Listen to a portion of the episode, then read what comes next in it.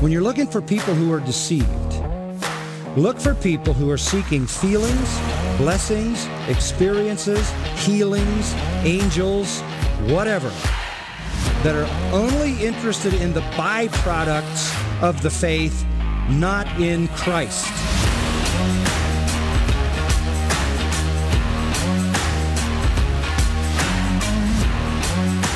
Come out from among them. Run for your life. Because this is about your life. It's not just about an opposing theology or a conflicting viewpoint on Jesus. This is about your life. Run from gospels that focus only on success and prosperity. Run. Run from churches where men and not Christ are glorified. Run. Run. Body of Christ, run. Get out. Run from churches where you're comfortable in your sins. Run from preachers that stand and tell stories and jokes. Run like you've never run before.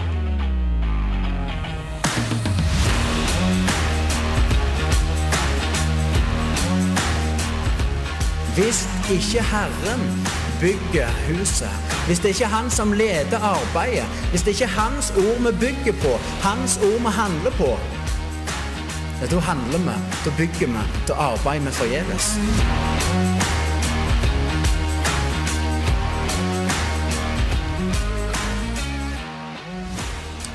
Velkommen, velkommen. Nå er vi i studio igjen her klar med en ny episode av Reformerte lekmenn. Mitt navn er Håvard Handeland. Med meg i studio har jeg min gode venn Thomas Opstad. Velkommen. Takk skal du ha. Gildt å se deg. Likeså. All right. Vi skal ha et litt nytt format i dag. Vi får med oss en eh, gjest i studio. Ikke i studio, men vi får han med på Skype. Så det har vi holdt på og strevd litt nå. Men nå tror jeg vi skal ha det oppe og gå. Nå klarer vi å se han, men han klarer ikke å se oss. Men det, det får gå. Ja vel, hvordan står det til, Thomas? Jo, det står eh, egentlig ganske greit til. Nå er det jo ferie akkurat nå. Ja. Er En ting som jeg merker er litt spesielt av nå, for i hvert fall, nå er det ikke verste ulemper for din del, eh, men eh, for oss andre som er glad i fotball, så blir jo alt utsatt. Og nå i dag skulle jo egentlig vært uh, kvartfinale i Champions League og sånn. Og uh, det eneste jeg kan se nå, det er sånn klassikere fra ti år siden oh, ja. på kanaler. Ja, men, men. Det, folk har fått med, med, med seg det at Thomas er Juventus-fan, så du kan se på kaffekoppen og T-skjorta han pleier å ha på seg her av og til. ja, koselig. Jeg klar, har ikke helt falt for den der fotballen ennå, men uh, kanskje med tida. Med tida. Ja. Det er gøy å spille litt Fifa nå, det har jeg gjort. Ja, det er det. Men det, det blir med det. Ja, jeg lurer på om vi skal få med oss gjesten vår inn i studio i dag. Det skal vi se. Få på mikrofonen hans. Der var han. Hører dere, Jonas? Ja da, jeg hører dere godt. Du hører dere godt? Ja, velkommen i studio, Jonas. Jo, tusen takk. Ja, nå eh, sender vi direkte. Hvor, hvor holder du til nå? Hvor er vi filmer ifra? Nå er jeg på Stava, så det er på Karmøyene. Så nå Ja. Ja. hvor, eh, er det i her nå. Så. I karantene, eller? Hvordan er det? Eh, Jeg var i karantene tidligere, så jeg kom meg akkurat til USA. og- Kona mi var på besøk hos familien sin, så jeg, eh, jeg kom meg akkurat kom jeg hjem igjen. da, så Jeg var i karantene, karantene faktisk nesten tre uker. Oi, ser du det, ja. Ja, det var, det var vel da du fikk skrevet denne boka. Du er ganske effektiv når du blir låst inne. Ja, det, du, skulle ønske at jeg kunne få tid til å skrive bok i den perioden. Men eh, nei, nei, den har jeg jobba med litt over, litt over eh, Når jeg bodde i Amerika, og så litt når jeg har vært hjemme her i Norge. Så det er litt over lengre tid, da. Mm. Ja, for grunnen til at vi har med Jonas Stava i dag, det er jo for at eh, for de som har fulgt dere fra begynnelsen av, så, så har vi hatt Jonas på før, og da intervjuer vi han om ei bok som han hadde gitt ut, som handla om bibelsk visdom i dårskapens tid. Stemmer ikke det, Jonas? Det var Ja, tittelen på den forrige. Og i dag så skal vi intervjue han om ei ny bok han er kommet ut med. Og Vil du gi oss tittelen på den boka, Jonas? Ja, Tittelen er 'Hvordan kristendommen mistet Vesten'. Og hvordan en teologisk reformasjon kan gjøre Vesten kristen igjen. Ja, spennende. Er den, eh, den første tittelen, og så er det en undertittel, det andre? Det andre blir undertittelen, da, ja. Ja, stemmer. Nei, spennende. Eh, jeg har i grunnen litt lyst til at vi skal få et lite overblikk over denne boka, og rett og slett eh, stupe litt ned. Og hvis, hvis du kan fortelle oss litt generelt om hva, hva var det som drev deg til å skrive denne boka? Hva var motivet, og hva var tankene dine? Ja, det, det, er et godt spørsmål. Og det er flere ting der som har vært med påvirka det. Men for å, for å, oppsummere det, så bodde jeg jo i Amerika og ble spurt av Tent Presbyterian Church, da, som er i Philadelphia, i et par timer fra New York. Det var den byen jeg bodde i. Når vi leide ut rom til internasjonale studenter og studerte teologi, så, så underviste jeg da ti-tolv eh, timer og gjorde en del research da, med hvordan kristendommen hadde på, det kristne livssynet hadde påvirket den vestlige sivilisasjonen. Mm. Og siste delen, da, De to siste timene handler om da, hvordan kristendommen mista Vesten, og hva vi kan gjøre for måte, at kristendommen skal vinne innflytelse i den vestlige sivilisasjonen igjen. Mm. Så Da jobba jeg en del med det stoffet og stilte meg det spørsmålet da, hva er det som har gjort at uh, vekkelser har påvirka så mange folk. Og, og, med tanke på at det, det, det er ikke mange folk som kreves for å ta innflytelsesrike roller i, i, i, kulturen. Men allikevel så er det på en måte kristendommen enormt svekka, både egentlig i Amerika og Europa. Han vokser jo alle andre, i alle andre deler av verden. Mm. Men jeg ofte lurer på hva som gjør at kristne ikke deltar mer i kulturen, og lar det kristne livssynet være med å påvirke og skape kristne nasjoner. Mm. Det var det spørsmålet jeg stilte på. Boken er på en måte et svar da. På, okay. på, på, det spørsmålet. Ja, det er interessant du sier det, for det, det er noe meg og Thomas òg eh, snakker en del om. Og dette så har vi at eh, kristne i dag lever ofte i to bobler. At eh, du har den her kristne bobla, og så har du alt annet som har med det praktiske livet å gjøre. Der på en måte Det som hører kristendommen til, det er kanskje på søndagen, eller at en går på noen møter av og til. Men ellers så blir det ikke sånn at eh, Bibelen får være liksom den som er, med, er rettesnora for, for alle aspekt i livet vårt. Og det er rett og slett at Bibelen sier noe om hvordan vi skal leve livet fra A til Å familie, myndighet, menighet, jobb.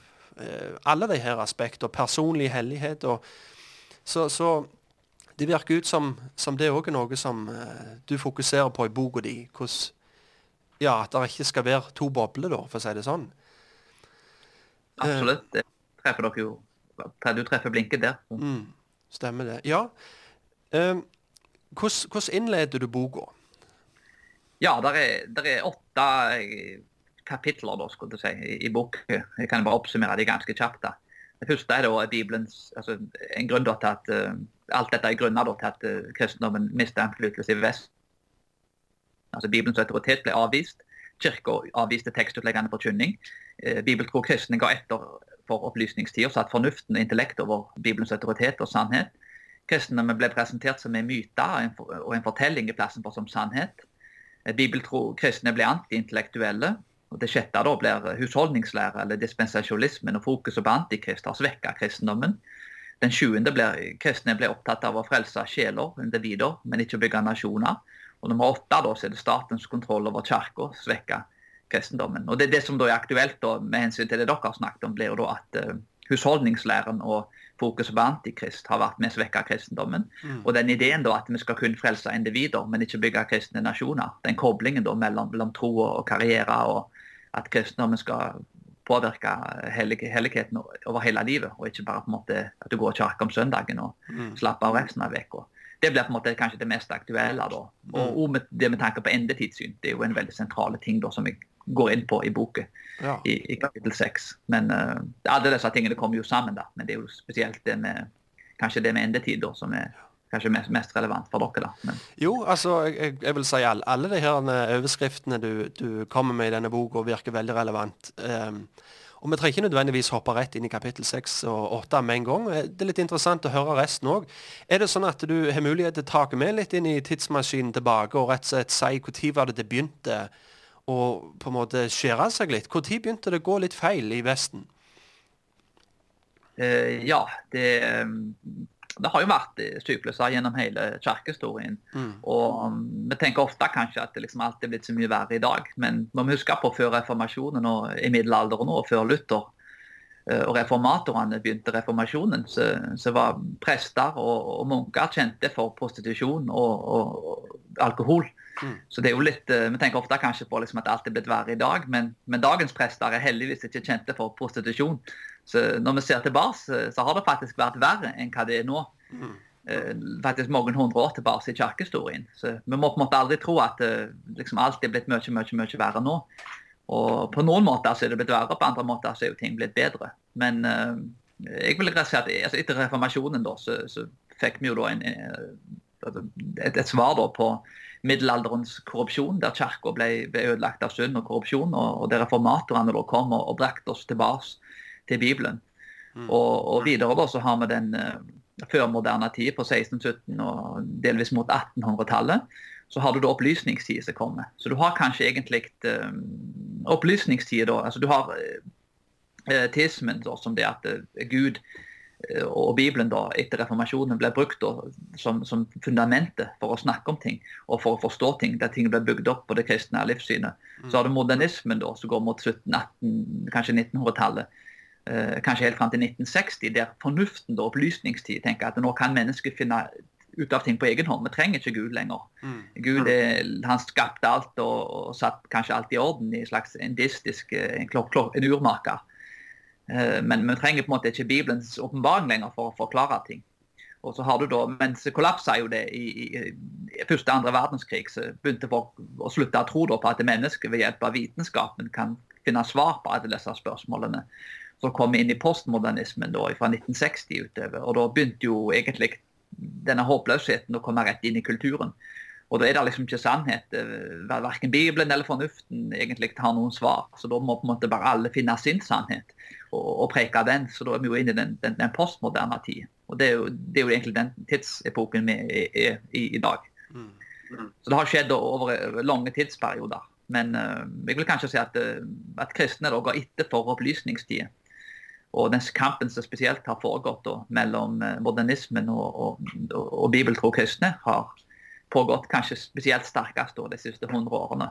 Mm. Og det er jo da At en da har avvist egentlig Bibelens autoritet, det er jo det da som egentlig er fundamentalt i alt dette her. For, for, for å plukke det litt ifra hverandre, da. Det å avvise Bibelens autoritet, hvordan ser det ut i dag iblant de kristne i praksis, vil du si? Ja, um, det der er faktisk ei, ei, ei, ei liten bok som er skrevet en som heter Per, per Håkonsen.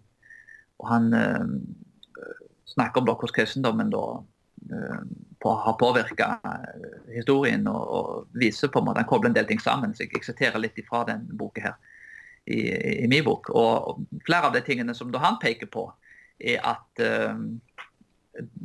dette er jo kontroversielle spørsmål, si, men det er ikke noe en, en tar opp hvis en er interessert i å bli invitert til å preke igjen. Men uh, det, toget løpt for min del for lengst uansett. Så jeg får bare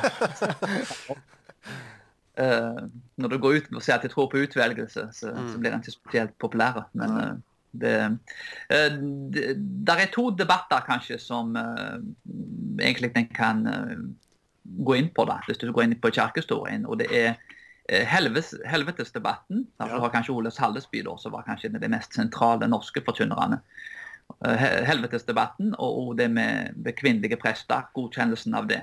Jeg vil kanskje si i stor grad at det at kristne da ga etter for de to, det gjorde at en, en egentlig låste seg fast og, og, ble inkonsekvent. Når en aksepterte dem, så, så avviste en Bibelens autoritet, og dermed da så, så, så begynte en å akseptere andre posisjoner som ble mer og mer liberale. Til slutt da så ble det homofilt ekteskap. For eksempel da så er det en veldig tydelig kobling historisk mellom det å godkjenne kvinnelige prester og det å godkjenne eh, homofilt ekteskap. For Paulus da, i 1. Timoteus 2 argumenterer da ut ifra eh, skaperordenen. Han sier at i begynnelsen skapte Gud Adam først, og derfor da så har eh, i forhold til eldster da, i menigheten så, har, så er det mannen da som skal ha, altså, ha autoritet til å, til å, til å lære. Mm. Eh, når en på en måte avviser skaperordenen så, så på det området, så er det veldig enkelt å avvise skaperordenen. Ja, hva er et ekteskap? Kan det ikke være to mannfolk eller to damer? Det trenger ikke være en mann og en dame. Mm. Så, så, Der låste folk seg i stor grad inn i en, en, en, en inkonsekvent eh, selvmotsigelse. Mm. Som gjorde at når en aksepterer det ene, så må en akseptere det andre. Hvis en ser f.eks. på tallene på uh, hvem som aksepterte homofilt ekteskap, så var det nesten bare mannfolk da, som, som argumenterte og, og, skrev under da, på at de var imot det. Mens, mens damen da, et stort flertall da, av damer aksepterte for det i sammenligning. Og Det er ganske mm, store tallsforskjeller mellom de to. Og Det viser jo på en måte at når en aksepterer det ene, da, så vil en veldig enkelt på en måte kunne akseptere det andre. Og Det handler jo om da at eh, likt var det med helvetesdebatten, at eh, det er egentlig en avvisning av Bibelens autoritet. Og Hvis Bibelen ikke er den endelige autoriteten lenger, så, så er det da at uh, følelsene og erfaringen min er det som er avgjørende. og Da kan en egentlig begynne altså, å akseptere mer og mer og mer, og mer ting ettersom en fortsetter. Mm. En, en, en, vil, en, vil, på en måte Jeg husker en gang Sam Elberry, da når jeg var på, studerte på Oxford. og han er jo en, en, en prest, en anglikanske prest som lever i sølibat og har en homofil legning. Og så jeg satt foran hele klassen der, og så spurte jeg han da foran alle om ja, hva hadde du sagt hvis noen hadde sagt altså hvordan kan du godkjenne kvinnelige pastorer, men ikke, ikke homofilt ekteskap. Så husker jeg han svarte da uh, ja, jeg godkjenner ikke kvinnelige prester. Og da ble det jo helt stilt i etterkant. Det var jo ulike meninger om det i rommet. og han hadde jo da tenkt gjennom det at uh, her var det viktig å tenke konsekvent. Du kan faktisk ikke så enkelt godkjenne den ene, som, som Paulus argumenterer ut fra skaper, men også avvise den andre. Du må tenke på en måte hvordan den ene påvirker den andre, og hvordan du da og Det er gjerne sånn at det tar kanskje flere generasjoner før folk innhenter den interne logikken. Og det være konsekvent. Men, men hvis du lærer ting i en generasjon, så kommer kanskje andre tre generasjonen, og så ser de ja, men se her, her var de inkonsekvente. Hvis de aksepterte det, hvorfor kan vi ikke akseptere det? Mm. når du ser ting, hvordan ting utvikler seg over tid, så, så, er det faktisk viktig å tenke kanskje langsiktig. Hvordan vil dette se ut flere generasjoner fram, hvis folk ser hvordan vi, vi, argumenterer eh, konsekvent. Mm.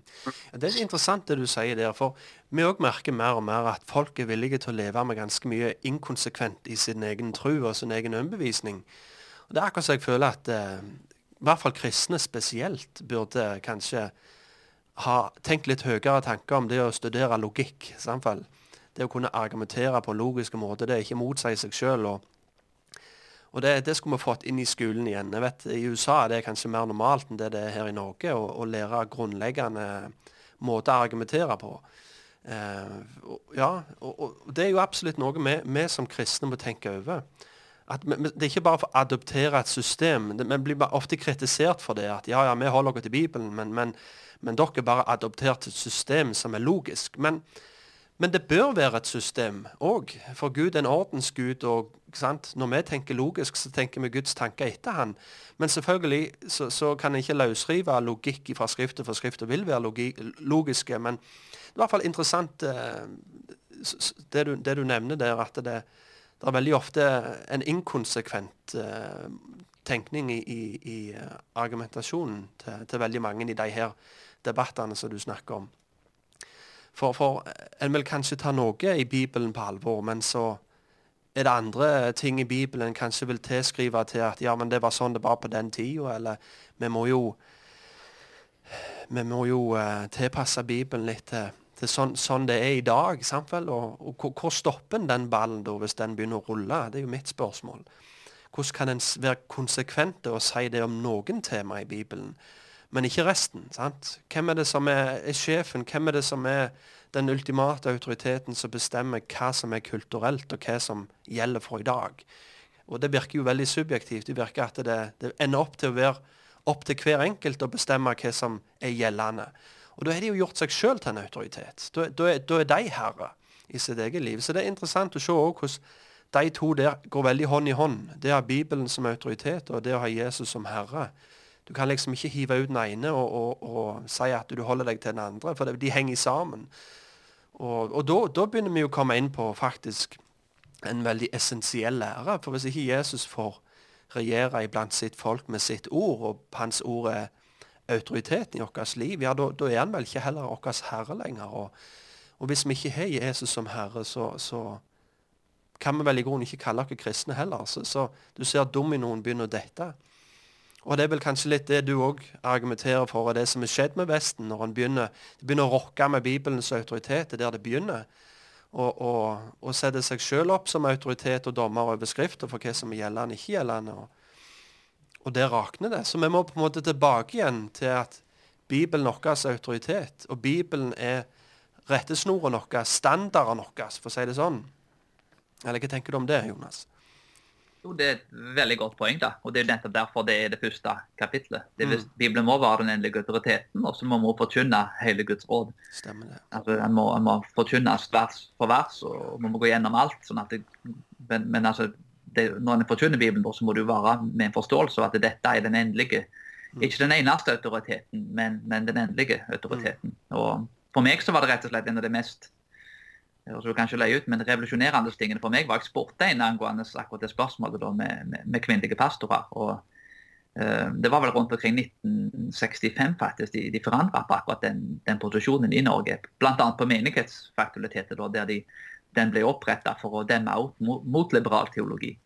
Og jeg tror nok at uh, Det er viktig å forstå at mange av liberalteologene de, de ville berge kristendommen. Og sånn har det vært egentlig helt siden Sleimaker og og de store liberalteologene, er at uh, dette var folk som oppriktig mente at vi må forandre og modernisere oss, sånn at vi kan gjøre kristendommen akseptabel for folk. Så dette er folk med, Mange av liberalteologene var, var veldig flotte folk som ville gjøre gode ting. og De ville oppriktig prøve å berge kristendommens intensjonene deres var, var ofte helt rene, men, mens resultatene da ble jo beklageligvis helt feil.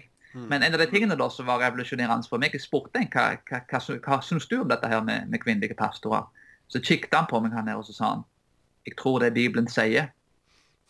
Og så sa han ingenting mer enn det.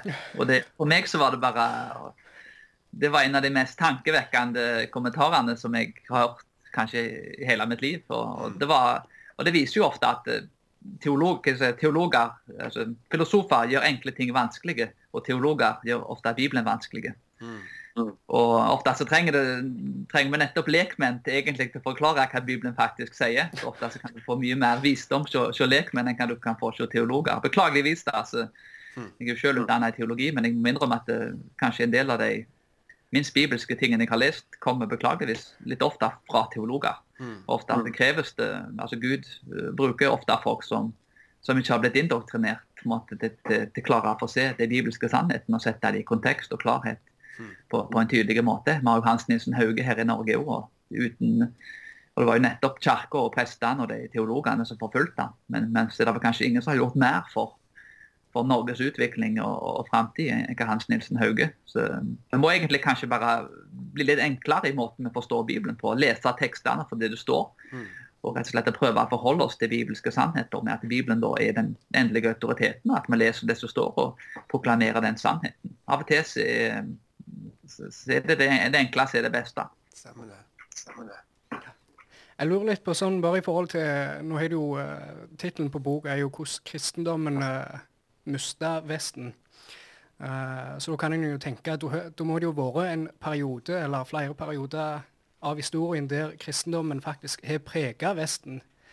Uh, så jeg bare lurer litt på om du kunne fortalt litt, liksom, Er det tider i historien der der vi ser at uh, Bibelen og kristendommen virkelig har prega samfunnet. Der det er kanskje universitet, heim, menigheter, til og med myndigheter liksom. Er det Kan du uh, gjerne snakke litt om det, der Vesten, nei, der uh, kristendommen faktisk har prega en del av nasjoner? Ja, det, jeg kan kanskje sette det kanskje litt i kontekst med, med, med endetidssyn og sånn. Altså, det er jo egentlig ikke før kanskje på 400-tallet, 400 år etter Kristus, at du egentlig får på en måte en, en kristendommen får en litt større innflytelse i samfunnet fordi ikke en forfulgte minoritet de begynner å få innflytelsesrike posisjoner og, og den type ting.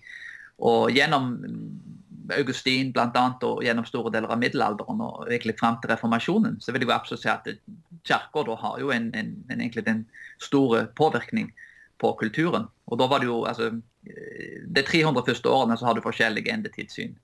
Men uh, i store deler av middelalderen så er du da amillennial, at uh, vi er allerede i tusenårsriket. Tusenårsriket er begynt, og vi må begynne å erobre uh, det, det som Gud har gitt oss, altså åndelig sett. Mm. Så har du da i, i reformasjonen og, og mot kanskje 1600-1700-tallet så er det amillennial da, og så postmillennial postmillennial er jo at de, Dere har jo snakket om det, men Jesus kommer jo da etter tusenårsriket. Men amillennial og postmillennial er nesten helt identiske. Mm. Det er nesten ikke forskjell på dem. Det tusenårsriket har starta. Mm. Vi må begynne å, å, å, vinne de tingene som, som Gud har kalt oss til å vinne. Og Det er litt interessant å se at det er en veldig tydelig kobling med hvor store kristne får eh, innflytelse kristne får i kulturen og endetidssyn. Amerika blant, blant annet ble vel kanskje mange av de som grunnla Amerika, Eh, ble, var da postmillennial. Si. De, mm. de, de, mente jo da at, eh, at alt kommer til, til, å bli bedre, og kristen, kristendommen kommer til å vinne fram. Og Det har en veldig sterk påvirkning hvis du på en måte tror at uh, framtida altså der er Antikrist kommer snart igjen, så gidder du på en måte ikke bygge universiteter. Mm. Så da har du puritarianerne da, på Yale, Harvard og Princeton f.eks. på, på 1600-tallet. Så De store universitetene, de beste universitetene, nesten alle universiteter for eksempel, i, og skoler og alt, er jo egentlig etablert av, av prester, pastorer. Og i Amerika så var det så å si alle universitetene var etablert. og Helt fram til 1900-tallet så hadde faktisk eh, de fleste presidenter på universitetene var tilknytta pastorale tjenester eller, eller kirketjenester i ulike grader. Det er det, altså, det er bare de siste 100 årene det har forandret seg. Veldig interessant det du sier der, for, for i dag så blir ofte kritikken det at eh, det er det at vi er klart å løsrive oss fra det kristne verdensbildet som gjør at vi virkelig blomstrer i samfunnet i dag teknologisk og, og med, med all kunnskap vi har. Men det er jo snarere tvert imot. Er det med? My, mye av denne her kunnskapen eh, som vi har i dag, kan vi takke de her kristne store kunnskapssentrene for, som du sier, Princeton og mange av de her universitetene som nettopp ble starta av kristne folk. Interessant at du tok det med. Mm. Eh, litt videre. Vi kan jo utforske litt eh, det her du, du, du nevnte det så vidt, at et endetidssyn preger hvordan vi ja, hvordan vi lever og hvordan vi engasjerer oss i verden. Vil, vil du ta en liten sånn Vet ikke hvor mye du har studert det, men, men husholdningslæren, da, for å si det sånn. Kan du ta oss med litt tilbake i historien og fortelle oss litt om den? Ja, det er jo, nå har jo dere gjort en, en glimrende jobb med å lagt ut om, om, om, endetid. jeg si. Jeg har hørt det meste av det da. Jeg har ikke fått hørt den, den siste episoden. Men eh, først og fremst vil jeg bare si til dere at det er veldig imponerende at dere har klart å observere viktigheten og at dere vier så mye tid til podkasten til dette evnet. For det, det er kanskje et av de mest sentrale evnene. Da. Og jeg opplever at det er svært få folk både blant eh, altså teologer og andre på en måte, som egentlig klarer å se hvor viktig det er med, med endetid. Mm. Og hvor sterkt det påvirker måten vi, deltar i kulturen på. Så, så jeg vil absolutt si at dere har gjort en glimrende jobb med å bare forstå det på en måte med noe å formidle det. Og, gjøre, folk i Norge trenger å bli utfordra på akkurat den biten. og Det er litt merkelig å se at folk er så det, det er veldig følsomt for folk akkurat det med endetid. Jeg, jeg ser ikke på endetidsspørsmål Eh, du kan være eldster i lag i menigheter og ikke dele samme endetidssyn. Jeg ser ikke på det som et, eh, noen av de sentrale spørsmål. Det er viktige spørsmål, selvsagt, men, men det er ikke det liksom som er er det avgjørende. Altså I bekjennelsene nå, i, i både Baptist Confession og Westminster Standard, så er jo, så er jo eh, det med endetidssyn er jo ikke noe du står, det, liksom, det går inn forbi en tredje kategori. Det er ikke, det er ikke grunnleggende. Så det er kanskje bare nevne det først. at det, det går an for folk å være uenige i disse tingene, og, og likevel på en måte vi, er ikke gudelige, og vi er uenige i det. det, Det er det. men- Mm. Men uh, ja, men angående Bare for for å legge det fram først. eh, Dispensasjonismen, da. Det var det du Mm. Ja, det, jeg vokste jo faktisk egentlig i stor grad opp med, med den læra, og um, har også faktisk undervist den læra når jeg var i Taiwan. Antikrist kom igjen, alle de tingene der. Så det er på en måte ikke bare ting som jeg eh, har hørt om, eller, men det er faktisk ting som jeg selv har jobba hardt for å overbevise andre om. Så, så det, det er ikke at jeg har rett av den grunn. Folk Mm. må jo absolutt analysere argumentene, og, og om de er gode eller om de er dårlige. Mm. Men uh, jeg vil i hvert fall jeg har vært på begge sider av debatten, i hvert fall, om ikke noe annet. Om det, hva det betyr for, for hver person avgjøre på egen hånd. Men, eh, men jeg, jeg tror kanskje det, det mest grunnleggende vi kan legge fram, er at eh, når vi tolker Bibelen og endetidssyn spesielt, så må vi la de, de tydelige versene tolke de utydelige versene. Mm. Vi må la det bokstavelige tolke det billedlige, og så må vi la det generelle tolke det detaljerte. Altså alle kommer før det detaljerte. Så, så ofte så, Når det kommer til dispensasjonisme, så blir det ofte egentlig at det utydelige tolker det tydelige. En bruker kanskje åpenbaringsboken, som etter min mening er, det er ikke den enkleste boka å tolke, men den blir på en måte brukt da, som at det billedlige språket som blir brukt der, eh, blir brukt nærmest til, til, som, en, som en ryggmerg for, for profeti. Når egentlig det er mye annet i Bibelen som er detaljert og tydelig, så sier mye ting på en mye klarere måte, som, som jeg egentlig kanskje, kanskje bør begynne med. Så jeg tror kanskje en del av metodene når en begynner å tolke, er feil, og dermed også, så, kan en del av, av konklusjonene bli feil.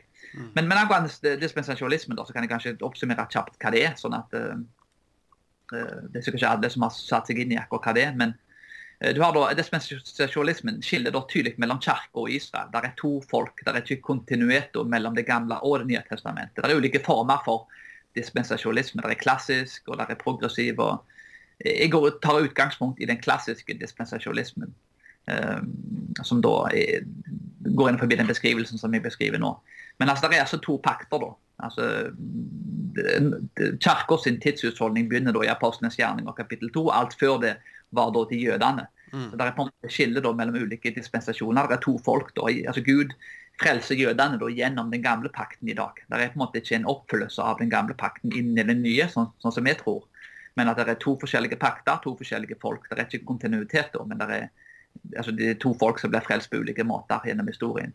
Nummer to, da, der er dispensasjonismen vektlegger bokstavelige tolkninger. og Det gjør jo egentlig et ego, skulle du si, men, men de tolker jo ting bokstavelig som egentlig altså Åpenbaringsboken, mener jeg. altså hvordan, um, Du kan på en måte ikke tolke uh, billedlig språk på, på en bokstavelig måte uten mm. at du tar hensyn da, til at det er billedlig språk.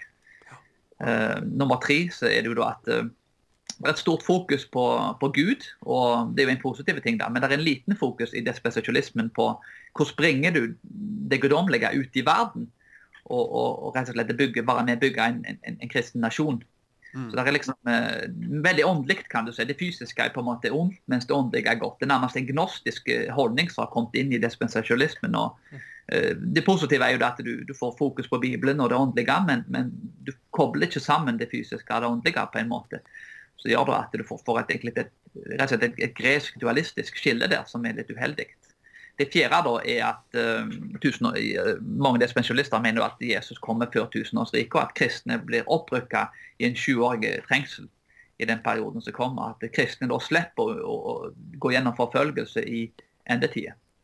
Så er det de der sju dispensasjonene. Dere har kanskje gått gjennom litt av dette stoffet her òg? Vi, vi, vi, har ikke tatt detaljert, vi har ikke snakket eh, Vi tok før oss en del av argumentene til eh, displayleiren, holdt på å si. Men vi har ikke lagt ut eh, fugleperspektivet, liksom. Hva er de sju tidsutholdningene? Og, så det har vi ikke gjort.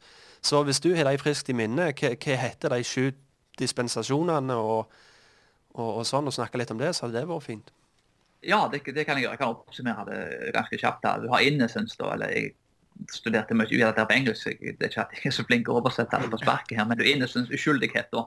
Det er jo første Mosebok kapittel 1-3. og Det er jo Adam og Eva, da, altså før de synda. Mm. Uh, den andre dispensasjonen da er conscience, da, eller samvittighet, som blir første Mosebok 3-8. Uh, eh, det er jo da synden da fram, altså Når første, uh, første synden kom inn da i kapittel 3, og så fram til syndeflommen. Så har du eh, civil government, altså sivil regjering. Eh, første Mosebok kapittel 9 til 11. Det er etter flommen da, og regjeringen. Um, uh, ja, det blir fram til kapittel 11, da, før løftet med Abraham. Og så har du da promise, da, løftet. Det er første Mosebok kapittel 12 til andre Mosebok, vel kapittel 19. Og det er jo Abraham til Moses da, helt fram til loven ble gitt. Det er jo den tidshusholdningen. Så har du loven, da, så blir resten av Det gamle testamentet da, fra andre Mosebok, det ble kapittel 20 fram til apostelens gjerning, kapittel 2, eh, vers 4 blir det vel. Og da er det jo frem, Moses står fram til korset. Så du har, eh, altså De store skillene kanskje som er det viktigste å huske, er jo da mm. loven og nåden. Loven da er Det gamle testamentet når, når Moses får loven, og så har du helt fram til kirkens husholdning, da, Apostelens gjerning kapittel 2. Mm. Um, og så har du da tusenårsriket, da, som begynner i åpenbaringen kapittel 20, vers 4-6, der Jesus da skal styre i, i framtida. Mm. Altså, Jesus har ikke begynt tusenårsriket nå, sånn, sånn som A-millenniet og postmillenniet, men at uh, dette er noe som vi venter på fortsatt. Altså, Jesus har ikke kommet inn og begynt å dominere og styre nå. Mm. Og alt dette her, da, For å sette det inn i kanskje et historisk perspektiv, ganske kjapt oppsummert, da, så har du John Nelson Darby, da, som var en anglikansk prest i England fra 1800 til Han levde da fra år 1800 til 1882. og Han da reagerte rett og slett på den anglikanske kirka, for han var, mente da var blitt sterkt påvirket av opplysningstida og blitt veldig verdslig og fokuserte på det fysiske. Så han gikk motsatt retning da og tenkte at nå skal jeg trekke meg helt ut på en måte av verden og kun konsentrere meg om bilen og det åndelige. Så han, eh, Beklageligvis så reagerte han på én ekstrem. Kritikken hans var jo rett sikkert av den anglikanske kirka, men, eh, men, han reagerte beklageligvis med å gå motsatt retning. Så det ble et stort åndelig fokus. og Det gjorde at uh, Schofield-bibelen, den uh, veldig kjente bibelen som ble brukt i Amerika med bibelkommentarer, mm. den ble veldig populær. Den faktisk en av de første biblene som jeg kjøpte og begynte å lese når, når jeg ble født på nytt. Okay. Og um, dispensasjonismen da, som kom ut av denne bibelen her, og den bibelforståelsen, den som var veldig populær i Amerika og fikk stor innflytelse i Norge og Skandinavia. Og I dag da, så er det en som heter Charles Reiri, som er den klassiske eh, står for den klassiske dispensasjonismen. Han er en av de store talsmennene. Så Hvis folk da vil få en forståelse av hva dispensasjonismen er, så er det liksom en, en god forfatter da, som du kan lese. Og Hvis du vil lese kritikk mot det, da, så er det to bøker spesielt. Kanskje jeg skulle spart det til ukens anbefaling. men Ja. uh, 'Wrongly Divided uh, the Word of God' av uh, John Gerstner. Også 'Understanding Dispensationalism' by Vern, uh, Poitres. Mm. Som var en av mine professorer på Westminster. Så det er to bøker som du kan lese om da, hvis du på en måte vil ha uh, argumenter for Charles Reiri, og så argumentene imot da, Gersner og, og Poitres. Men det, det, Eh, det, og jeg underviste jo denne læreren her i Taiwan når jeg var der, kan du si. Så det, uh, Men det som gjør det litt interessant òg, eller utfordrende blir vel mer det rette ordet, det er jo det at det er så mange forskjellige typer dispensasjonalisme. Du har MacArthur og den leiren der. Han vil kalle seg en light dispensasjonalist. sant? Og det er vel kanskje sant? Du, du har jo hvis du du har vel ekstremer i alle leirer. sant? Du, du har de som er fullpreterister, for som sier at alt har skjedd, og argumenterer ut ifra eh, Markus 21, der det står at Eh, Og dette er hevnens dager, der alt eh, som profeten har snakket om, skal gå i oppfyllelse. Og så melker de det verset til det fulle, og så argumenterer de på at alt, alt profetordet er oppfylt. Og nå er vi i ny himmel og ny jord, og nå skal dette bare fortsette sånn i evighet. Men så har du òg eh, litt ekstreme innad i tidshusholdningsleiren da, som sier på en måte der er to evangelium. Og jeg, jeg følte det var på en måte det du la fram litt der, at det der er to pakter som, som det, skjer ikke et skifte, liksom. Men de fortsetter i den gamle pakt, og de, de blir frelst så å si på en annen måte. At det er to evangelier, på en måte. Er det den som er den mest Jeg føler ikke det er den som er den mest normale. Den, den ekstreme, liksom. Der de går så langt og sier det er to evangelier. Den er vel ikke så etablert i dette landet. Eller du vet kanskje mer enn meg på det området. Ja, så det Ja, så du Dere kan uh, ha forklart det veldig godt, dere. Så, dere, så jeg eh, har jo lært veldig mye av, av, av måten som dere har lagt det fram på. Men eh, nå har jo alle ulike erfaringer. skulle jeg si. Min erfaring er vel egentlig at den er, den er temmelig utbredt, den, den klassiske dispensasjonismen. Det kan være at det blant mer yngre folk at det er en mer eh, Joe MacArthur, eh, en progressiv Han står vel kanskje mer for det de kaller progressiv dispensasjonisme, så han har en mye mildere form da. Ja. For, men, men han mest kjente talsmannen for dispensasjonismen er jo da Charles Reiri, og han ligger vel nær mot den, mot den klassiske. Og igjen, Hvis du leser Gersners i bok, da, 'Wrongly Dividing the Word of God', så går han jo inn egentlig på de ulike forståelsene, selvsagt. Og da vil du alltid bare igjen altså, moderat, konservativ konservative og liberale forståelser av det. Men, eh, men det er vel i hvert fall en, en til felles da, er at um, det er to, to frelsespakter, og det blir et nytt tempel som kommer nå i Israel snart. og, og, og jødene da på en måte, vil på en måte da bli frelst gjennom rett og slett eh, en annen pakt da, enn en kristne, kan du si. Og det, det er kanskje en, en, en, en av de grunnleggende forskjellene. Og det er litt interessant når, når en går gjennom bibeltekstene, så er det jo egentlig en veldig En av beskyldningene som en ofte får når, når en legger fram da, jeg liker kanskje ikke det ordet erstatningsteologi så veldig godt. Jeg sier heller kontinuitetsteologi. Altså Der det går kontinuitet mellom det gamle til det nye testamentet. Og Det får en ofte beskyldning for at en, ja, men da er en antisemitt. og Det er faktisk noe som flere har sagt. ja, men du, du er imot Israel og du liker ikke jøder. Og, og, for min egen del, i hvert fall, jeg kan ikke snakke for alle, men så jeg er vel sannsynligvis en større Israelsvenn enn de fleste dispensasjonister. Og som sagt, jeg, jeg, en av de store hva si, eh, vi, vi, Visdomslærerne mine er faktisk en jøde som, som jeg hører mye på, den som heter Dennis Preger. Så jeg er faktisk veldig glad både i Israel og det jødiske folk. Og jeg ser ikke hvorfor du må holde til en dispensasjonistisk forståelse av, av Bibelen og egentlig endetid på en måte, for, å, for å på en måte være glad i Israel da, og, og, og det jødiske folk.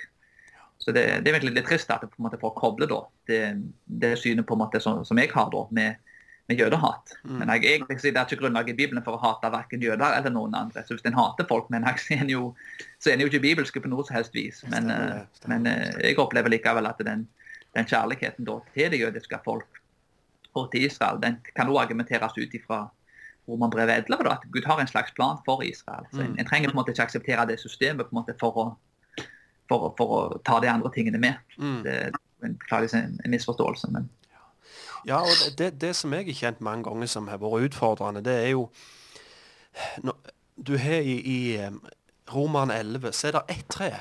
Er du med? Det er ikke, Ja. det er ikke to tre.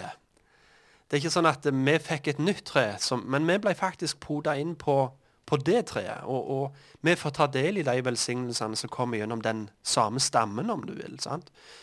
Og, og du har jo sånne tekster som så den teksten der òg, men òg Efeserne 2, sant? som jeg ofte har spurt en del um, Disbia om. da. Hva, hva gjør du med denne her teksten når det står at vi er blitt medarvinger i løftets paktene, sant? i flertall? og eh, Vi har blitt medborgere med, med Israel. Hvordan er det står? Uh, må få få det ordrett her.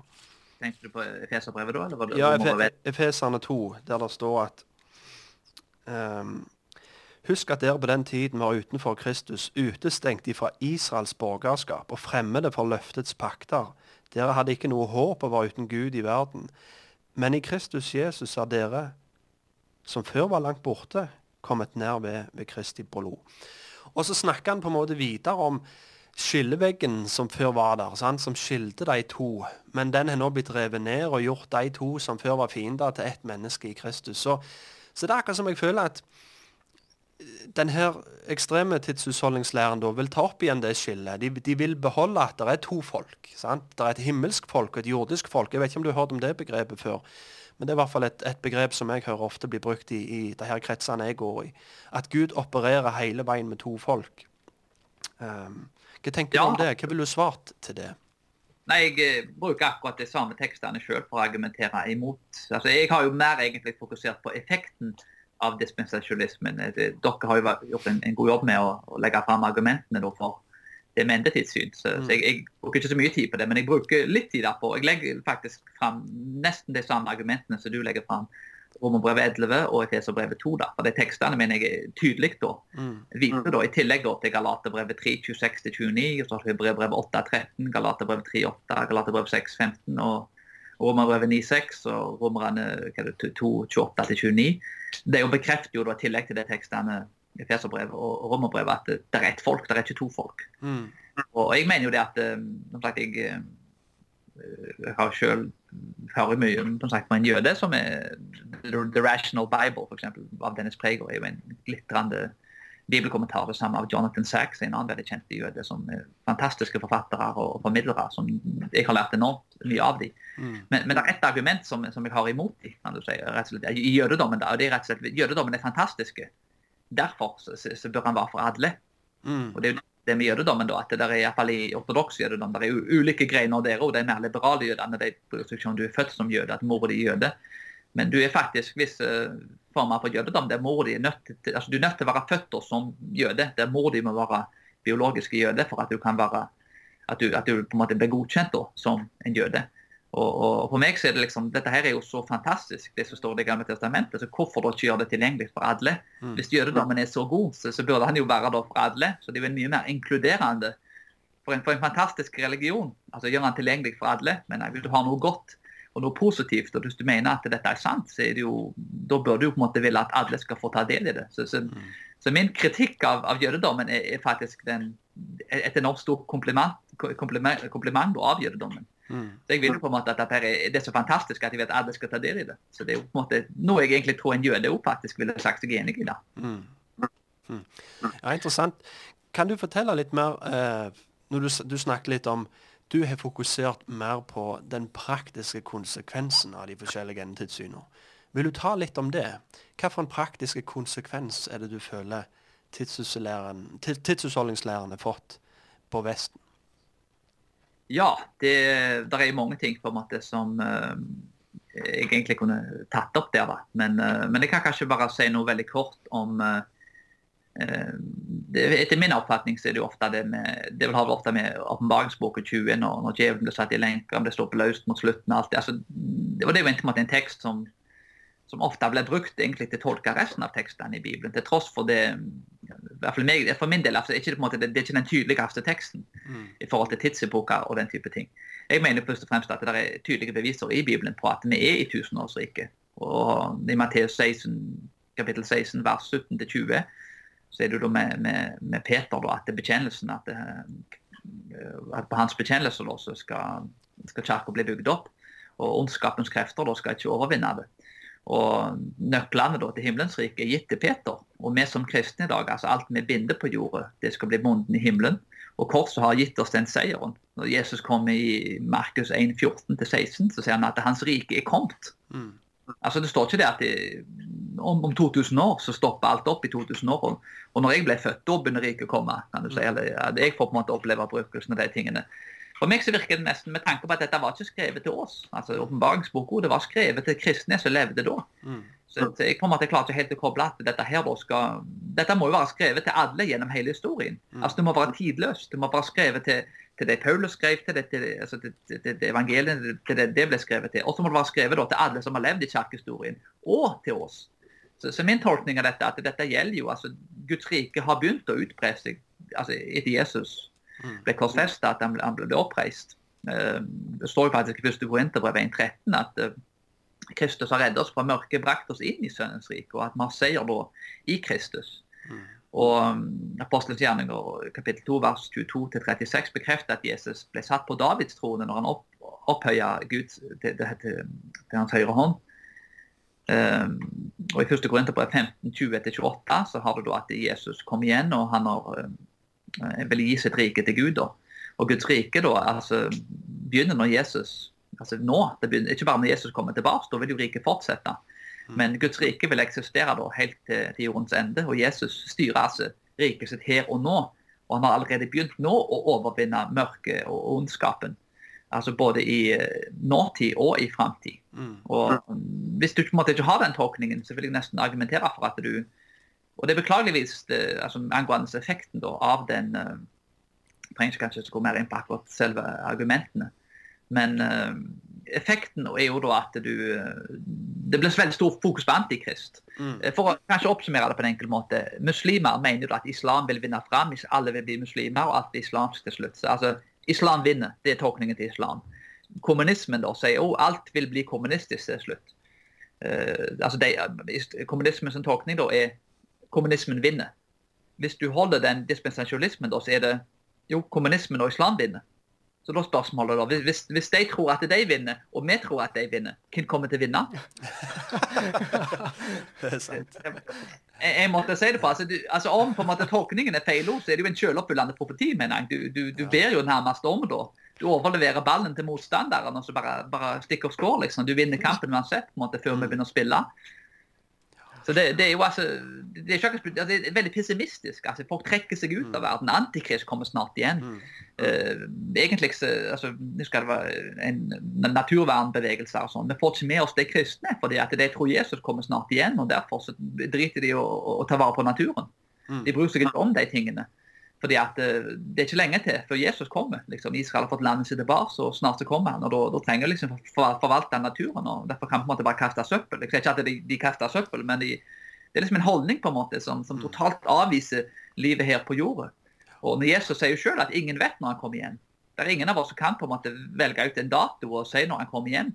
Og, og mm. det, det, er på en måte et uhyre pessimistisk syn på, på denne verden her på en måte, som, som er veldig selvoppfyllende, som ikke oppmuntrer folk mm. til å gå inn og, og, skape kristne nasjoner. Og Når du ser gjennom historien, så, så er dette det er jo en annen ting med et historisk perspektiv at John Nelson Darby, dette synet oppsto på 1900-tallet. Det er ingen som har kommet til en dispensasjonistisk forståelse. Premillennial det har vært Justin Martyr og og flere andre, det, det, har vært et syn som har eksistert i kirkehistorien. og Det har amillennial og postmillennial. Men, eh, men uh, dispensasjonalismen da, med, med, med, dette at det er 20 års trengselsperiode, alt det er faktisk en ganske ny ting. Mm. Det, ingen har kommet til den konklusjonen. altså Det tok faktisk hele 1900 år før folk klarte å komme fram til det. Og Det er ikke at det er seg selv, det er jo Bibelen som er den endelige autoriteten. Men, men jeg må likevel si at det, det, det, det er veldig usannsynlig da.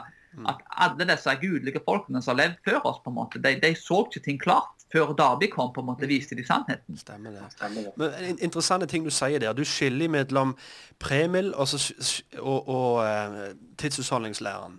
Og der tror jeg veldig mange, i hvert fall i, i uh, i eh, eh, leiren da, de vil fort hoppe opp i båten til Premil og si at jo, vårt syn går helt tilbake igjen. Og, og, men motsatt, historisk premiel vil, vil, ikke gå i båten til de andre og identifisere seg med dem. Det, men, men for, for, å legge det ut litt klart, da, så lytterne forstår Historisk premiel, eller, eller premillennialisme, det, som finnes nokså tidlig i, i kirkehistorien. Og det er jo læren om at det skal komme et fysisk, framtidig bokstavelig tusenårsrike. Den læren har vært der, der folk har tenkt det. Eh, men hele systemet med tidshusholdningslæren, med, med de her sju eh, tidshusholdningene og som du sier, trengsel på sju år, og, og alle de her tingene, det er et system som ble etablert ja, er det seint 1800, 1930, vet ikke noen som sier. Hva vil du si? Men i hvert fall nylig.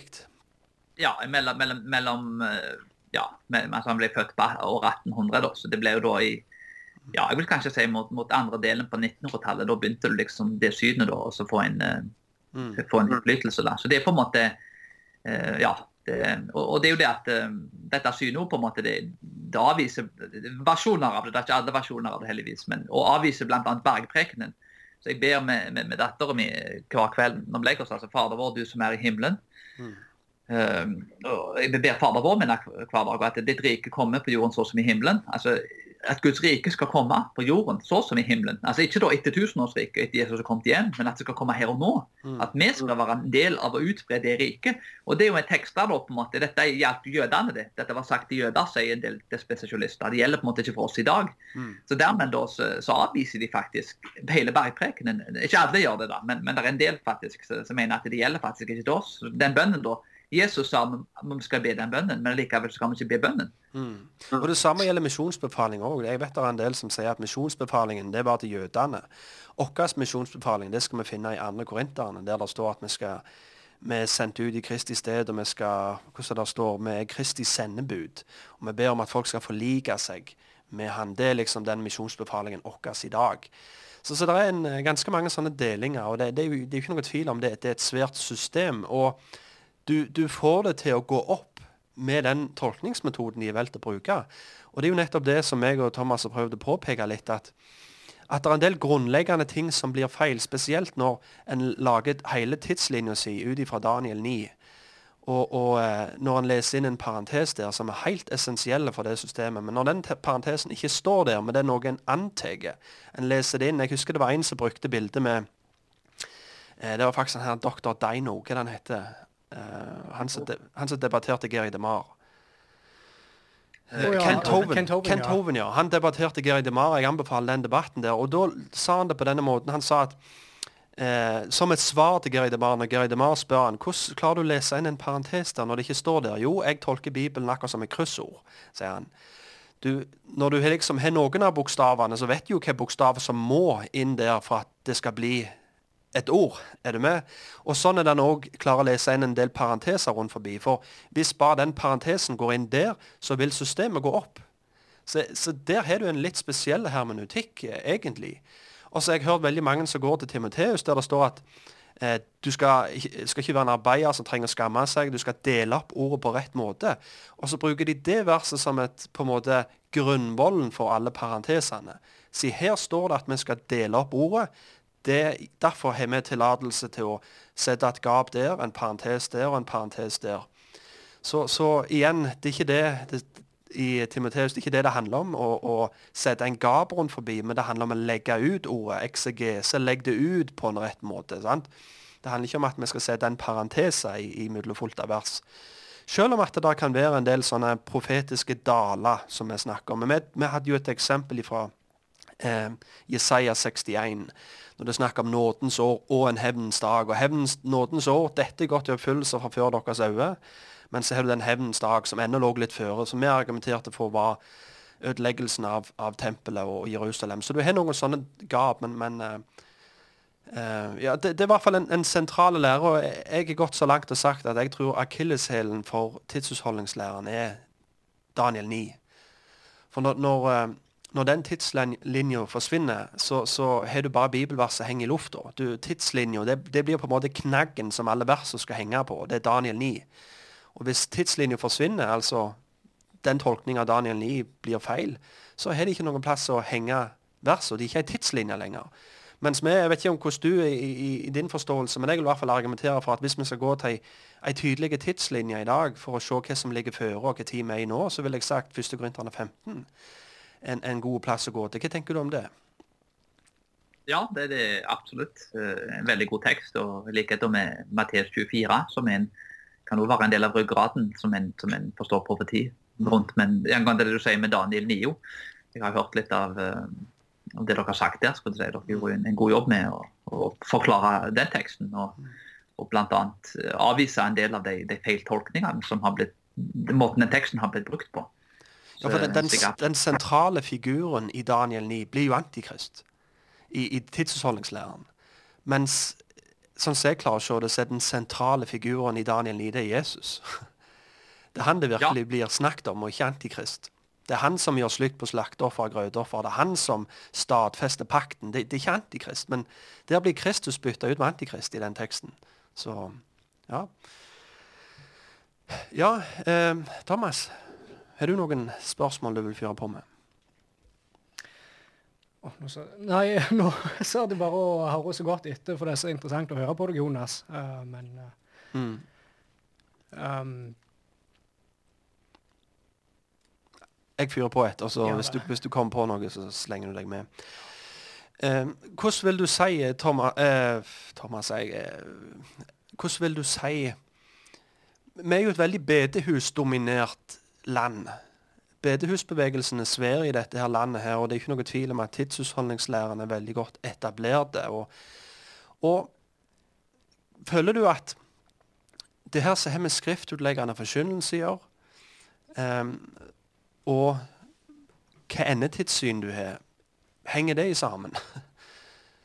Absolutt. og Det var en grunn til at Bibelens autoritet og tekstutleggende forkynning var de, var de, to første kapitlene av denne boken. Boken er jo, altså, vi er jo ikke utgitt ennå. Det blir kanskje noen måneder til før hun, kommer så langt. Men, uh, men uh, det er iallfall planen nå at de kapitlene skal komme i rekkefølge. Jeg vil absolutt si at på bedehuset, da, altså Jeg er jo selv vokst opp på bedehuset, så, så, jeg har et godt forhold til bedehuset. og mener, Jeg er veldig glad for, for, for det jeg har fått der, og jeg går gjerne høre på gode forkynnere på bedehusene en dag i dag. Så mm. jeg, har et varmt forhold til, til det lokale menigheten og til, til bedehuset. Uh, men uh, jeg mener kanskje det at uh, i, i statskirke altså Det er egentlig ikke teoretisk sett i statskirka, praktisk sett er det jo det. Men uh, det er jo en annen grunn til at kristendommen mista Vesten pga. statskirken i Europa. Men, men det, det, det, er helt annet. Skal ikke gå inn på det. Men Statskirken hadde vært mye bedre da, på tekstutleggende forkynning, for det har de iallfall hatt vet jeg, en, en, tekst. og Veldig god han presten som i hvert fall vi har her på lokalt flere gode prester faktisk her, som forkynner. Og De har som regel en tekst, og den er vel ofte like god i hele landet. om jeg mm. ikke forstår helt rett. Så, så Statskirken, som er mye mer liberale, har egentlig mer tekstutleggende forkynning, men på bedehuset har de et høyere bibelsyn, og det er ikke tekstutleggende forkynning. Mm. Det, det, er jo litt morsomt. Egentlig så burde du ha begge deler. Du bør ha et høyt bibelsyn der det høye bibelsynet leder til at du forkynner hele Guds råd mm. med en tekstutleggende forkynning. Så jeg skulle gjerne ønske at det er nesten litt ironisk da, at den, den som forkynner tekstutleggende, er, er, det, er, den som egentlig har avvist Bibelens autoritet, men den som har Bibelens autoritet, forkynner ikke Bibelen, kan du si, tekstutleggende. Prøv, prøv, prøv, denne her tanken her, Jonas. Prøv denne tanken. Jeg, for, for jeg er jo oppvokst på bedehus, og, og, vi er vel kjent med det. Eh, og jeg er satt, blitt stort velsigna av det. Men, men jeg òg ser jo det samme som du snakker om der, at den tekstutleggende forkynnelsen, tekst for tekst, kapittel kapittel, samfall, gå gjennom eh, bøkene fra begynnelse til slutt, den mangler på bedehuset. Og jeg tror at det har med strukturen å gjøre. For hvis en hadde hatt eldsteråd, hvis en hadde hatt pastorer, så hadde det vært mer lagt til rette for at den pastoren der Det var den samme pastoren, den samme hurden, søndag etter søndag, som kunne ta for seg ei bok og gå gjennom vers for vers, kapittel for kapittel. Men jeg føler bedehuset er lagt opp litt sånn at det kommer gjest, nye gjestetalere hver søndag. og Derfor blir det ikke lett å gå gjennom noen bøker når du får en kanskje 20 minutter, en halvtime på en søndag, og det kommer en ny neste søndag. Så tror du ikke det at mangelen Jeg tror ikke nødvendigvis at de at de ikke vil, men rett og slett at strukturen ikke er tilrettelagt for det. Hva tror du om det? Nei, jeg tror dere, sagt, tror dere treffer blinken. Dere, eh, intervjuet med Asbjørn dere hadde, dere hadde vel en episode om, om, om kirkestruktur som, Ja. som jeg hørte for stund tilbake. Så de to episodene, i hvert fall etter min mening, nå jo hadde har sin smak, men jeg mener det var det er mange gode episoder, men, men for meg var det, i hvert fall, det virkelig en, eh, i hvert fall en bekreftelse på en del av de tingene som jeg ikke klarte å sette ord på sjøl, men som dere på en måte beskrev, da, som, som jeg òg har erfart. Jeg er helt enig i det, det dere har sagt, da, og det Asbjørn nå delte i, denne episoden. Og syns dere traff linken egentlig på omtrent alt dere sa der. Så jeg er, kunne ikke vært mer enig i akkurat det. Men dette går jo også kanskje tilbake igjen til det som har med Bibelen som autoritet å gjøre. For de òg har jo den samme Bibelen. Og du sier at bedehuset er kjent for å ha et høyt syn på Skrifta, og det er min erfaring òg. De har en, en frykt for Gud, et høyt syn på Skrifta, og den er veldig sentral. Og det som handler om å forkynne Guds ord, det er òg en veldig sentral ting på bedehuset. Så, så det, det, det vil jeg rose de av. Men det er akkurat som det har skjedd en liten disconnect når det kommer til hvordan det skal være når de kristne samles. Hva strukturen skal være, og hva faktisk en menighet er. Da ser jeg ofte at det er en liten inkonsekvent eh, ting der som skjer. at Da blir ofte Matteus 18 sitert. Jo, der to og tre er samla. Der er han midt i. sant? Da, da ser en på en måte litt vekk ifra at det skal være et flertall av eldste. Det skal bli praktisert skriftutleggende forkynnelse, menighetstykt, diakoner. og liksom At du har en, en struktur som Bibelen òg legger fram. Og hvis en virkelig vil ha et høyt syn på Skriften, så burde en jo ta det òg på alvor. Absolutt. Det, det, jeg er helt enig. Skal du si. Det, det, det, jeg tror egentlig altså, Hvorfor det har blitt sånn gjennom historien? Jeg tror kanskje en forklaring på det kan i hvert fall, en av kanskje flere forklaringer kan være det at eh, Jeg sier ikke så mye om det akkurat i det kapitlet med, med statskirker, men i Norge så har i motsetning til Amerika, så har, har Norge har på en måte, ville på en måte hatt kontroll over hva som ble forkynt. Altså Hans Nilsen Hauge altså ble forfulgt av, av prester og, og teologer. Fordi at han forkynte da uten tillatelse, annet. En av de grunnene til at han ble forfulgt, til tross for han gjorde veldig mye godt i samfunnet. Og, og, så Det har rett og slett med at eh, bedehus, ok, vi skal godta bedehusene, men hvis de da er under statskirka sin kontroll, så du har på en måte ikke hatt lov egentlig. Hvis du etablerer egen pastor, egen prest, eget eldsteråd, så da opererer du som en egen autoritet, og da ser statsmakter på deg som en trussel mot deres autoritet. Og så Det har rett og slett med statlig sett at de har ikke tilrettelagt for det, fordi at de vil opprettholde eget maktmonopol. Og med tanke på at statskirka også har vært sterkt knyttet opp mot den politiske makten, så er det rett og slett et system som har blitt satt opp for å, å kontrollere ting. I dag så er det jo blitt litt løsere, og du får litt, litt, litt mer sjanse i dag til å drive det sånn som du vil. Men, men det sitter på en måte igjen i kulturen i lenge i etterkant. Og jeg tror kanskje mer og mer at det vil gå mer mot den retningen du sier da, fordi eh, altså, ting er blitt sånn som det er blitt. Mm. Men, eh, men jeg tror rett og slett det sitter rett og slett igjen altså bevisst da tidligere. Altså det var, du skal ikke så langt tilbake til norsk historie før du ble bøtelagt for ikke å delta på nattverd en gang i måneden. Det? Er visse, visse, det er visse kjerker, skulle du si. Det var en, en, en, en som studerte kirkehistorie som, dokumenterer det der. det var, det var ikke mer litt over 100 år siden, om jeg ikke husker helt feil. Hmm. Så, så det, det har på en måte vært den der sosiale kontrollen for et politisk ståsted òg. At du, du vil liksom ha uro i samfunnet. Masse splittelser og, og små kirkesamfunn. Det kan liksom skape sosial uro, politisk uro. og så mister de makt, innflytelse, penger og, alle de tingene der er jo knytta sammen. Så jeg tror at det da kan være en, en forklaring på at uh, du, okay, du er liksom et bedehus og du er under Statskirken. og da, kan du på en måte få lov til å operere, holde på sjøl og til og med få litt støtte økonomisk. Men, men du utfordrer på en måte ikke statskirke i den forstand. Hvis du ikke på en måte har, har, har konkrete og, eh, pastorer og eldster, da, på en måte. Mm. Så liksom, Presten er liksom hurden din, til tross for at du, du vet sikkert ikke hvem han er og aldri truffet han før. eller noen ting. Men, men det er liksom egentlig mer i navnet. I, i plassen da, for I praksis så har du på en måte mer hatt et styre da, på en måte, som egentlig en, en, en mildere form da, for en åndelig autoritet. Så, det, det kan være en forklaring som jeg syns forklarer det litt. men Mm. Ja, interessant. Eh, en annen ting, litt sånn framgjennom, for å si det sånn. Vi diagnoserer et problem, men hva er løsninga? Hva, hva er veien videre? Hva vil du si? Det, det tar du vel òg opp i boka di. Hva er svaret? Hva må en gjøre for å igjen kunne vekke opp eh, Norge, men òg Vesten? Altså, hva, hva er det vi trenger? Ja, det er jo et uh, veldig godt spørsmål. si, og Eh, I boken så, så argumenterer jo ikke jeg egentlig konkret for uh, verken presbeteransk eller reformert uh, teologi. Jeg skriver vel forholdsvis generelt ting Mm. på en måte så egentlig en, en pinsevenn, en, en baptist, en, en lutheraner, presbyterianer, altså, så egentlig burde kunne anvende. Altså Bibelens autoritet, altså tekstutleggende forkynning og alle de andre tingene som jeg nevner. Dette er på en måte ting som jeg vil nesten si at hva menighet som helst egentlig kan anvende. Så, Mm. så så ser det at det, boka legger egentlig mer fram konkrete og generelle løsninger på problemer. Eh, men samtidig så skriver jeg at det kreves jo en, en teologisk reformasjon. Mm. Og um, jeg mener vel egentlig det at vi bør egentlig avvise dispensasjonalismen. Det, det vil egentlig være et godt sted å begynne. Det som du sier, det, det er et system som blir lest inn i Bibelen, ikke et system som blir lest ut av Bibelen. Og jeg synes det systemet egentlig har beklageligvis såpass mange uheldige konsekvenser for eh, kirkelig og kristen deltakelse i samfunnet.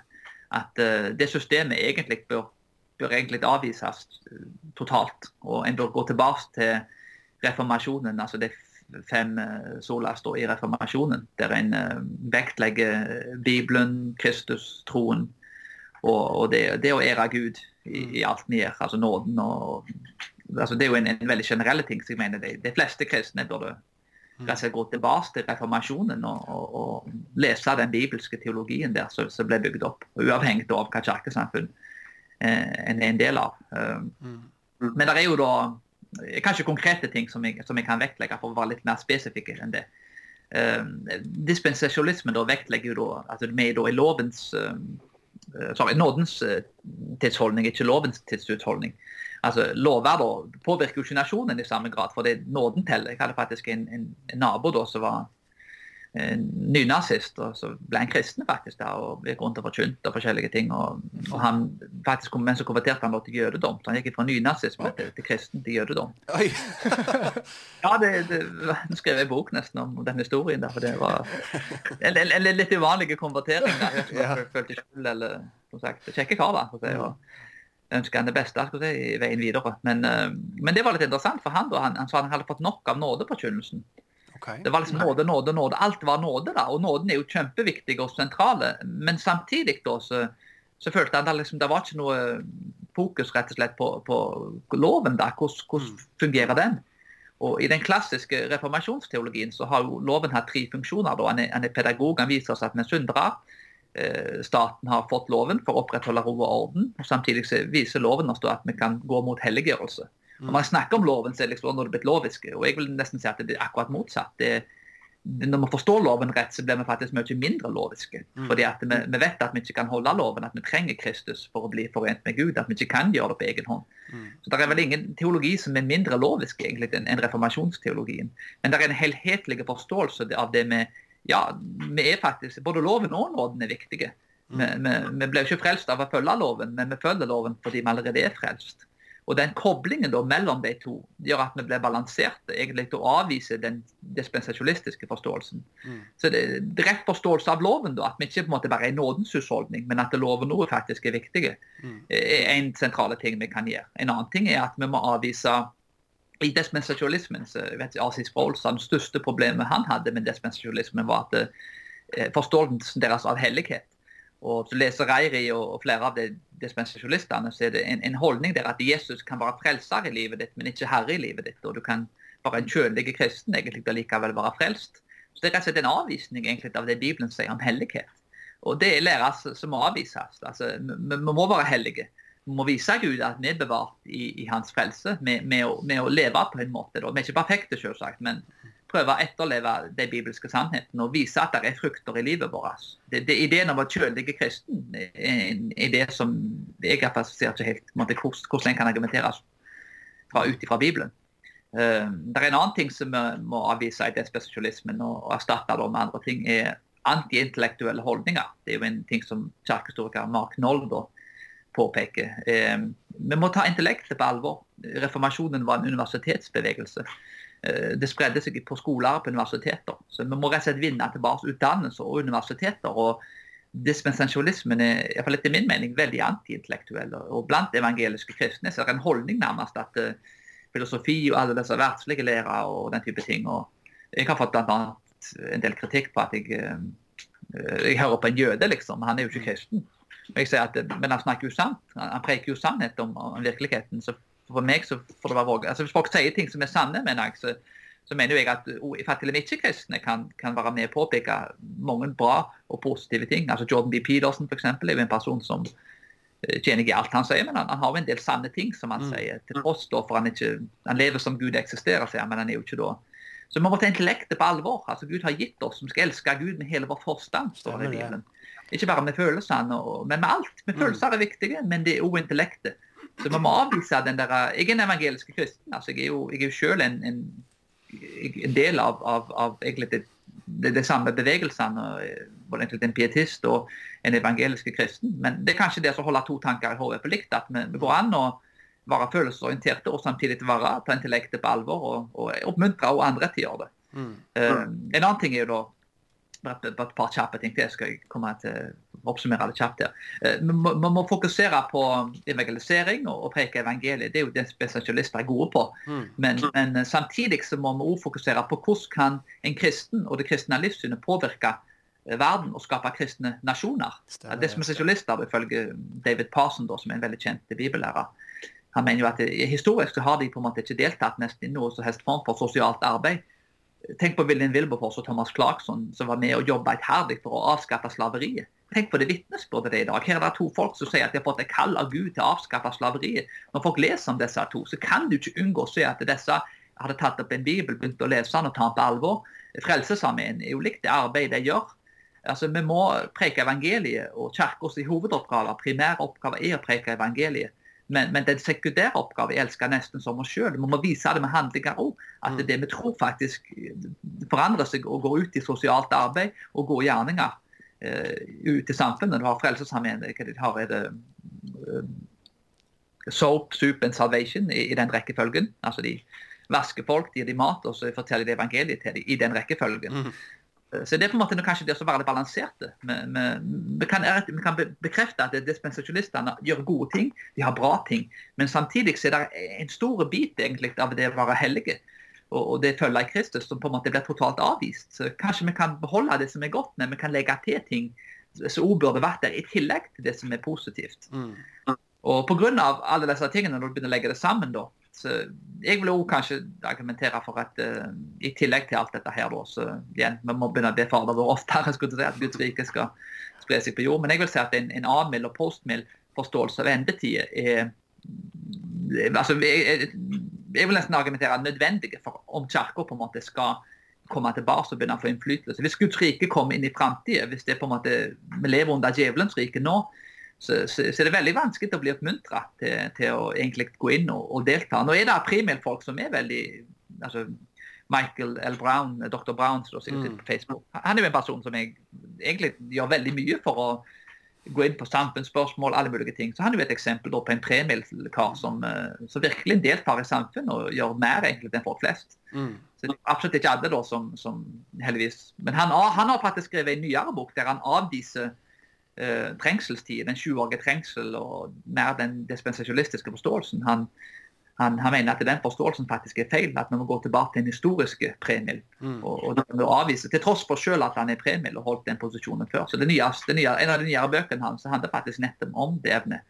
Det er fint å se da, at uh, de som holder primil og kommer fra den retningen nå, har blitt å avvise deler av det dispensasjonistiske systemet. Men altså, hvis vi gjør alle disse tingene her, så få en rett forståelse av loven. Jesus er herre og frelser. Mm. Uh, at vi lever da i, både i nåden, dispensasjon, men samtidig at vi tar loven på alvor. At vi, vi blir postmild eller ei-mild. Vi, vi, finner ut hvordan kristendommen kan påvirke nasjonen. og Ikke har det enorme fokuset på antikrist og, og hvor Satan skal vinne kampen. Og, men at vi vet at Jesus har, har, vunnet.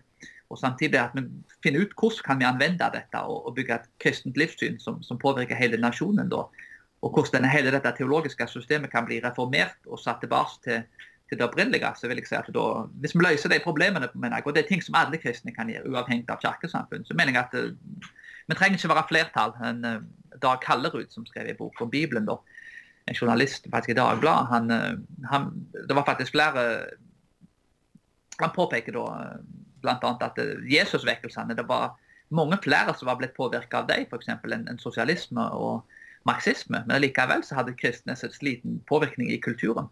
Du har han der Frank Rossavik, han journalisten i Aftenposten, og Alt Jøsund, da, som er journalist i, i, i vårt land, eh, forteller hvor vanskelig det er å få kristne med, konservative kristne med i offentlige debatter. Det er liksom Espen Ottersen, liksom, og det, det er nesten ikke flere enn han liksom, som mm. vil delta i det offentlige. Nei, de, liksom, de venter på antikristne, nærmest. De, de, de, sier ikke det, de, de da, men det, jeg skulle nesten gitt et svar til dem. Det er derfor ikke kristne vil delta i det offentlige.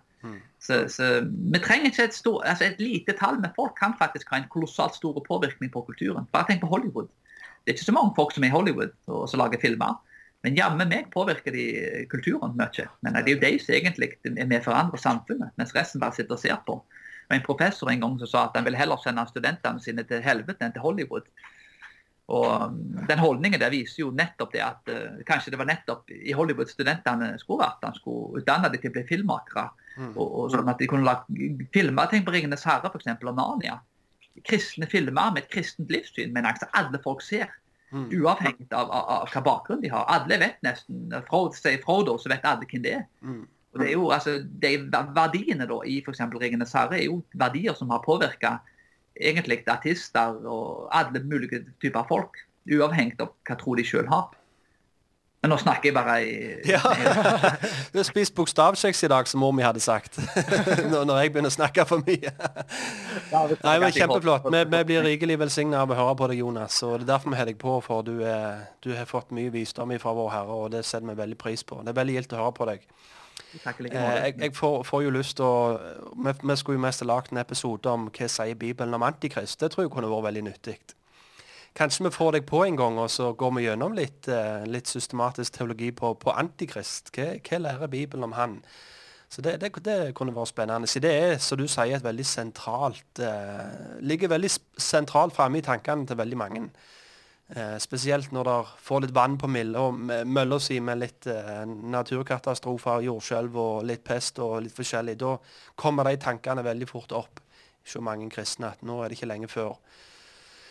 Men ja, jeg vil si tusen takk. Eh, Jonas, eh, har du noen tanker du, eh, Thomas? Ja, nei, Jeg kjenner meg egentlig veldig velsigna for at du hadde tid til å være med oss, Jonas. Det var veldig kjekt å få snakke med deg igjen. og det er alltid interessant å høre på deg. Det er fascinerende å høre hvor mye, uh, hvor mye kunnskap du har. og Følg med litt på i det, hva det heter apologetikk. Norge. Norge, ja. Mm. Det er alle disse her forskjellige folk du siterer. og det sitter, Du sitter inne på veldig mye kunnskap som uh, jeg tror uh, mange vil bli velsigna av. Takk i like måte. Og neste gang vil vi ha, vil vi ha deg i studio. For, for, sist du var med oss, så satt vi på et lite kott nede her i kjelleren. så, så, nå må vi få lov å få deg inn i varmen her. Så her er det litt mer profesjonelt enn det, det, det var forrige gang du var hos oss. Så det ser vi fram til. Ja vel, Jonas. Nå ser ikke du oss, men vi ser deg, og du har fått deg et flott skjegg. Jeg håper du lar det få vokse, og at du ikke rører det til neste gang. At det er jo da, jeg eh, Kona foretrekker faktisk at jeg har skjegg, så jeg har ikke noe valg. Jeg si det. det. Ja, kjempebra. kjempebra. Det er mannen som er sjefen, men det er kona som bestemmer. Stemmer det. OK, Jonas. Du får ha Guds velsignelse i disse tidene her. og Vask hendene og ta det med ro. og Gled deg i Herren. Takk i like måte. Veldig gildt, Jonas. Du får hilse familien, så snakkes vi. Jo, takk for det. Og ja, hils dere òg. Det skal jeg gjøre. Ha det bra. Ja, ha det bra. Ha det godt, ja. Ja vel, da sier vi samme ha det til han. Og ja, trivelig. Det var gildt. Det var masse. Mm. Det var brannslange. Det blir sånn eh, når vi har Jonas på, da drikker ja. vi fra brannslangen. Det blir ikke noe leit sprinkling der. Veldig gildt. Ja, teknikken fungerte, håper jeg. Nå gjenstår det jo å se når vi får redigert dette her til slutt, at alt, alt går greit. Men det håper vi på. Uh, det neste som ligger før nå, vi holder på å jobbe litt i kulissene med en, eh, med en eh, dåpsdebatt der vi skal få på Martin Gjelvik og en, som, en lyttersk press som vi har hatt på litt tidligere her. Eh, så, så, skal debattere litt forskjellige dåpssyn. Og det, det er for vi ønsker at det skal bli mer kultur i, i det kristne landskapet for debatt. Ofte så blir debatt og teologi og dette her er begrep som, som er negativt lada. Før kunne splittelse, ja. ja. Mm. Men jeg vet bare i mitt eget liv hvor velsigna jeg er blitt av å høre to kristne som setter seg ned og debatterer og drøser over uenigheter i Skrifta, og hører, hører gode og dårlige argumenter. Så, så det, det, tror jeg vi trenger mer. Eh, og det har vi lyst til å være en arena for på denne podkasten. Så det blir en av mange, forhåpentligvis, om Herren vil, debatter som vi skal ha på denne, denne podkasten. Og ikke minst at det går an blant kristne å debattere en annen uten å kalle hverandre for vranglærere eller noe sånt. Mm. At du kan uh, debattere med en eller diskutere med en annen på et, uh, på et ydmykt grunnlag Stemmer som brødre. Og det vil jeg òg bare si. altså jeg, Som sagt, jeg er oppvokst i, i en uh, dispensasjonalistisk retning og, og hørt mye av den forskjønnelsen. Og jeg som Jonas har òg vært en som har lært dette her. Og jeg, jeg, jeg, vil bare si vi elsker våre dispensasjonalistiske brødre og ønsker ikke å henge dem ut personlig på noe som helst måte. og og, men, men allikevel, kanskje litt som Jonas nevnte, at ja, det får konsekvenser. En, en, eh, og vi føler vel kanskje det at denne tanken om at ting skal bare bli verre og verre. Nå er det Satans regjerer, og det skal bare bli mørkere før det til slutt blir lyst. Eh, og så kommer Jesus igjen og setter alt i stand der framme. Det får jo konsekvenser. Det er jo en pessimisme, selv om kanskje de sjøl vil si nei, det er ikke pessimisme. For vi har jo blikket fleste på at Jesus en dag kommer igjen. og Derfor har vi alltid en optimisme. Men, men, når vi sier pessimisme, så er det på retningen til verden. Sant? At det er på vei imot mørkere tider, at det bare skal bli verre og verre. Og Jo verre det blir, så kan vi bare glede oss, for da vet vi at da står han nær ved for døren. Men som vi har på en måte snakket om litt i, i gjennomgangen vår som Matteus 24, når du snakker om den store trengsel der, og når det står at uh, når dere ser alle disse tingene skje, da er han nær ved for døren, så fikk vi jo etablert at, at det var noe som var en realitet for, for deg, for disiplene av Jesus. Han sto nær ved for døren for deg og skulle komme igjen og dømme paktsbryteren. At det er ikke det vi står og venter på. Men vi venter på, som blir gjentatt så mange ganger i Nytestamentet, og det jeg vil kalle det favorittbibelverset til Gud, Salme 110. Se deg med min høyre hånd til jeg legger alle fiendene som en fotskammel for dine føtter. Gang etter gang så blir det bibelverset sitert. Og, og det burde vi ta mer på alvor. At Jesus han venter på at han har satt seg på tronen. Han har satt seg på Davids trone. Han regjerer nå. Og at han venter med at, på at hans fiender skal bli lagt som en fotskammel under hans føtter. Og det skjer gjennom at evangeliet går ut, og at folk blir frelst. Mens mange i dag sitter og venter på at han skal komme igjen og hente dere ut herifra, for å så begynne å legge fiendene under hans føtter. Men han sier jo at han gjør det nå. Nå legger han fiendene under sine føtter. Og han ber i sin ypperste prestelige bønn så ber han jeg ber om at du ikke må ta dem ut fra verden. Så han sitter og venter på at vi skal spre riket her på jord. Hans legeme skal vokse, om du vil. Mens vi sitter og venter på at han skal hente Gud herifra og gjøre det sjøl. Har du med? Mm -hmm. så, så ja det er nok den tingen jeg har gått opp for meg mest av alle. Så, så, men, men jeg, jeg, ønsker som sagt å gå fram i ydmykhet rundt dette temaet. Jeg ønsker, ønsker ikke henge ut folk som har dette synet, eller taler vondt om dem. Jeg, jeg, som sagt, jeg elsker mine brødre og søstre som har et annet perspektiv på dette her. Men kanskje det òg kunne vært nyttige dialog, skråstrek, debatt og hatt i studio, hvis det er noen som kunne vært villige til å drøfte de her temaene. Og kanskje òg utfordre utleggelsen vår av Matteus 24, om det var noen som hadde vært villige til å komme i studio til å prøve dere litt på den, så kunne det vært en interessant drøs å ha. All right. Noen siste tanker før vi sier farvel, Thomas? Skal vi kjøre med anbefalinger i dag? Ja, vi må jo anbefale boka til, til, Jonas. Ja. Men nå gikk det litt fort her på slutten. Men, men han sa i hvert fall det at den boka der er ikke helt ferdig ennå. Så jeg tror det at når den er klar, så kan vi kanskje poste det som en anbefaling på mm. Facebook-sida vår. Og det ble jo på en måte en fortsettelse av, den første boka hans. Mm. Det var jo uh, uh, bibelsk visdom. I dårskapens tid så blir jo dette her hvordan kristendommen mista Vesten. Det der blir jo på en måte en slags oppfyller, om du vil. Stemmer det. Ja. Er kjempespennende. Da ser vi fram til de kommende episoder, men litt usikker på når den blir, når den kommer Vi takker på alt det er så usikkert i de her tidene her, men vi prøver å holde dere oppe med annenhver uke. Så om Herren vil, så får vi det til. Takk til teknikeren vår, Knut Olav. Han er sprunget som galning i dag for å få til alt dette her med Skypen, så veldig gildt å ha deg med, Knut. Bra jobba. OK. Med det så tror jeg vi sier takk for i dag, og på gjenhør. På gjenhør.